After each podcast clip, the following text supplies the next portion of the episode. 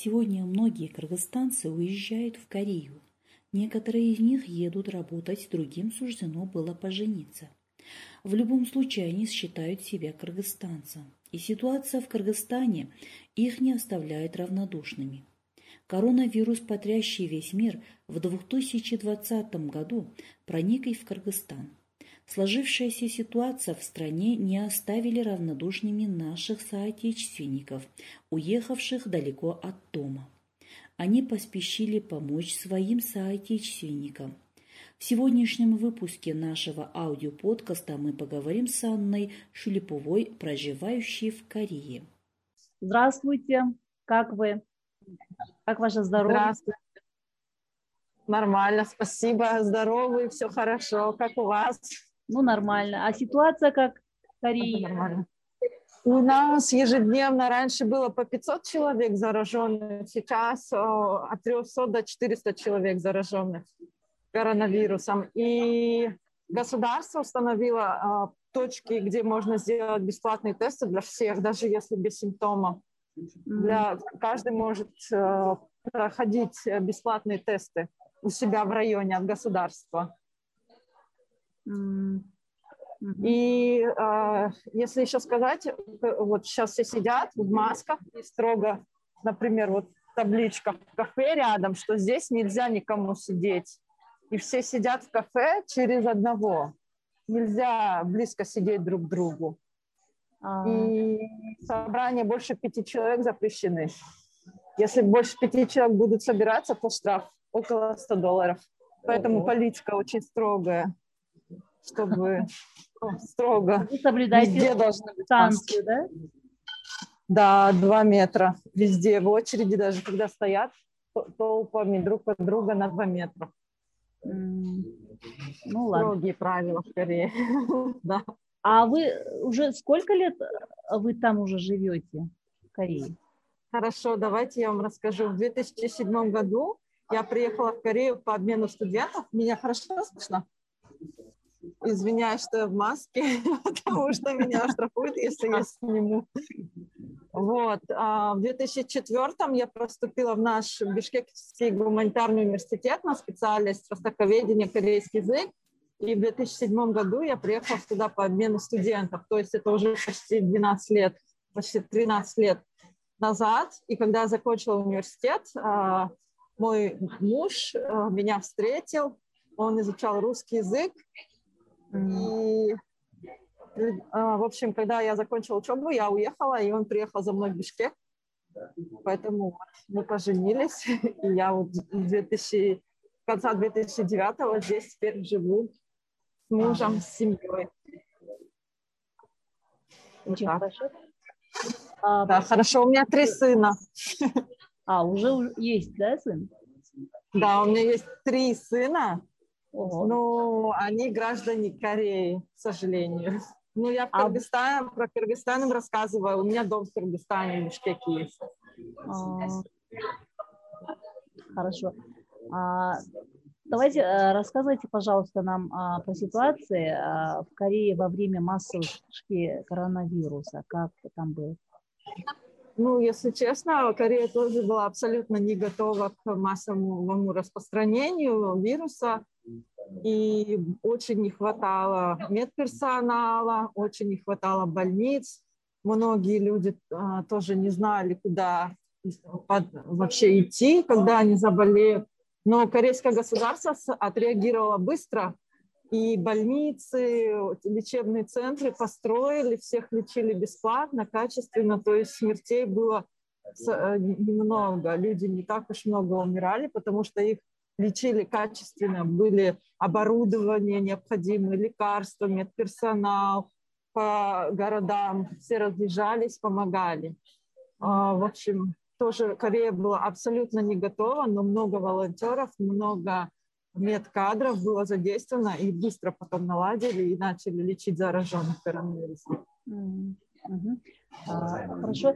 Какая ситуация были, была у мигрантов? Не только кыргызстанцы и другие мигранты. У мигрантов ну, так как мы живем, проживаем вообще в этой стране, то же самое. Ну, какие-то вещи, например, корейцы, они строго соблюдают правила, которые им даются. И а, иностранцы, они привыкли более к свободе.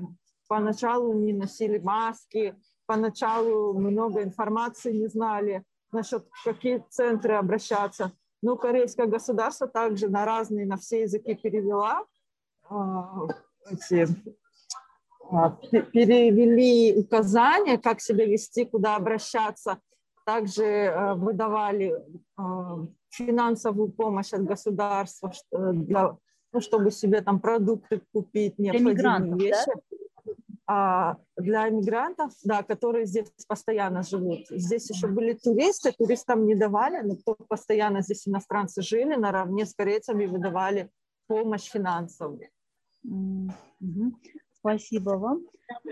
А, следили вы за ситуацией в Кыргызстане? И мы, да, конечно. Все... Вы э, оказали помощь, э, можете поделиться, чем она была и как закончилась? Да, наблюдали через соцсети, смотрели, постили те, кто сам помогал, собирали гуманитарную помощь внутри Кыргызстана, затем, кто родственников своих показывал, что не было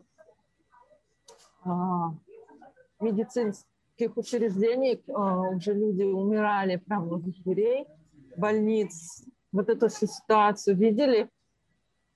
И многие, кто здесь живет, начали от себя ну, в основном гуманитарные организации помогали, начали нашим соотечественникам помогать.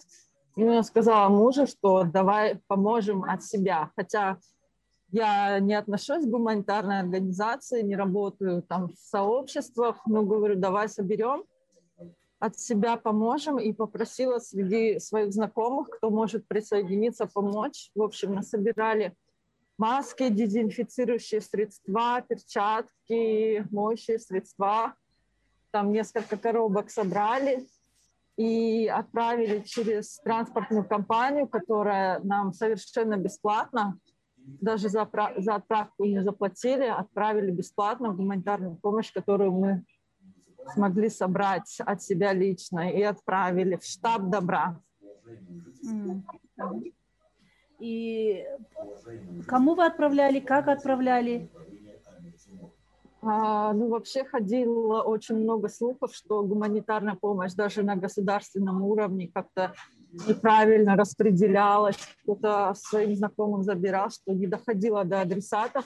Поэтому я следила за социальным деятелем Асой Мамбакматовой и очень сильно ей доверяю, вижу ее вклад э, в общество, в ее труды для Кыргызстана, поэтому отправили через штаб добра Соль Малдакматовой, чтобы она распределила всю гуманитарную помощь необходимую. И вам дали отчетность? Они помощь кому дали? Да, там а, была ответственная девочка, с которой мы связались. А, Соль Малдакматова, когда получила эту помощь, сама лично написала аудиосообщение, сказала, поблагодарила, сказала, что это все распределили в социально уязвимые слои, где дома и дома престарелых. И на тот момент она отправила все фотографии, как люди получили, как до них дошло. Отчет отправила. Спасибо вам тоже. А, а в Корее сейчас какая ситуация, да? Нормально? А в Корее постоянно меняет. А, у нас есть уровень социальной дистанции, то есть а, сейчас, наверное, от 5 до 2. Если 5, это можно собираться больше пяти человек, 5, 4, 3, 2, 2 – это когда все рестораны, все кафе, все закрыто, людям нельзя выходить. Когда 2,5 а, можно на вынос еду брать. То есть уровни социальной дистанции – но вот сейчас э, стало намного свободнее, чем раньше. Я сижу в кафе, можно сидеть в кафе. Раньше было запрещено, кафе были закрыты, а сейчас уже открыли, то есть намного, а, получается, намного стало безопасней. И еще у нас 26 февраля началась вакцинация против коронавируса. Уже начали прививки делать в Корее. Хотя я живу в Корее, меня спрашивают, я 12 лет уже живу, меня спрашивают, почему ты до сих пор не поменяла гражданство. Я говорю, потому что Кыргызстан это моя родина, mm-hmm. поэтому я не поменяла, не, ну я не хочу менять гражданство. Хочу сказать кыргызстанцам, а, даже если, ну вот я а, нахожусь вдали от родины, ну в ближайшее время обязательно приеду и несмотря на нашу экономическую, политическую ситуацию, всегда горжусь тем, что я родилась в Кыргызстане, и хочу сказать, чтобы люди не опускали руки, всегда знали, что у Кыргызстана есть будущее, обязательно имели свою мечту, обязательно, чтобы кыргызстанцы оставались такими же, потому что наш народ всегда помогает друг другу, несмотря на все трудности, всегда очень дружелюбный, гостеприимный народ – Поэтому хочу сказать, чтобы вы гордились и чтобы мы еще добьемся многого. Вот сейчас Корея это очень развитая страна, и что Кыргызстан тоже это все от нас зависит, чтобы мы обязательно подняли Кыргызстан на высший уровень. Так что держитесь. Ну, вам тоже спасибо. Спасибо большое, что пригласили меня на интервью. Было очень спасибо приятно вам. вам рассказать. Ну, Прощаемся, ладно. да? Пока. До свидания. Хорошо, до, свида... угу. до свидания. Всего доброго.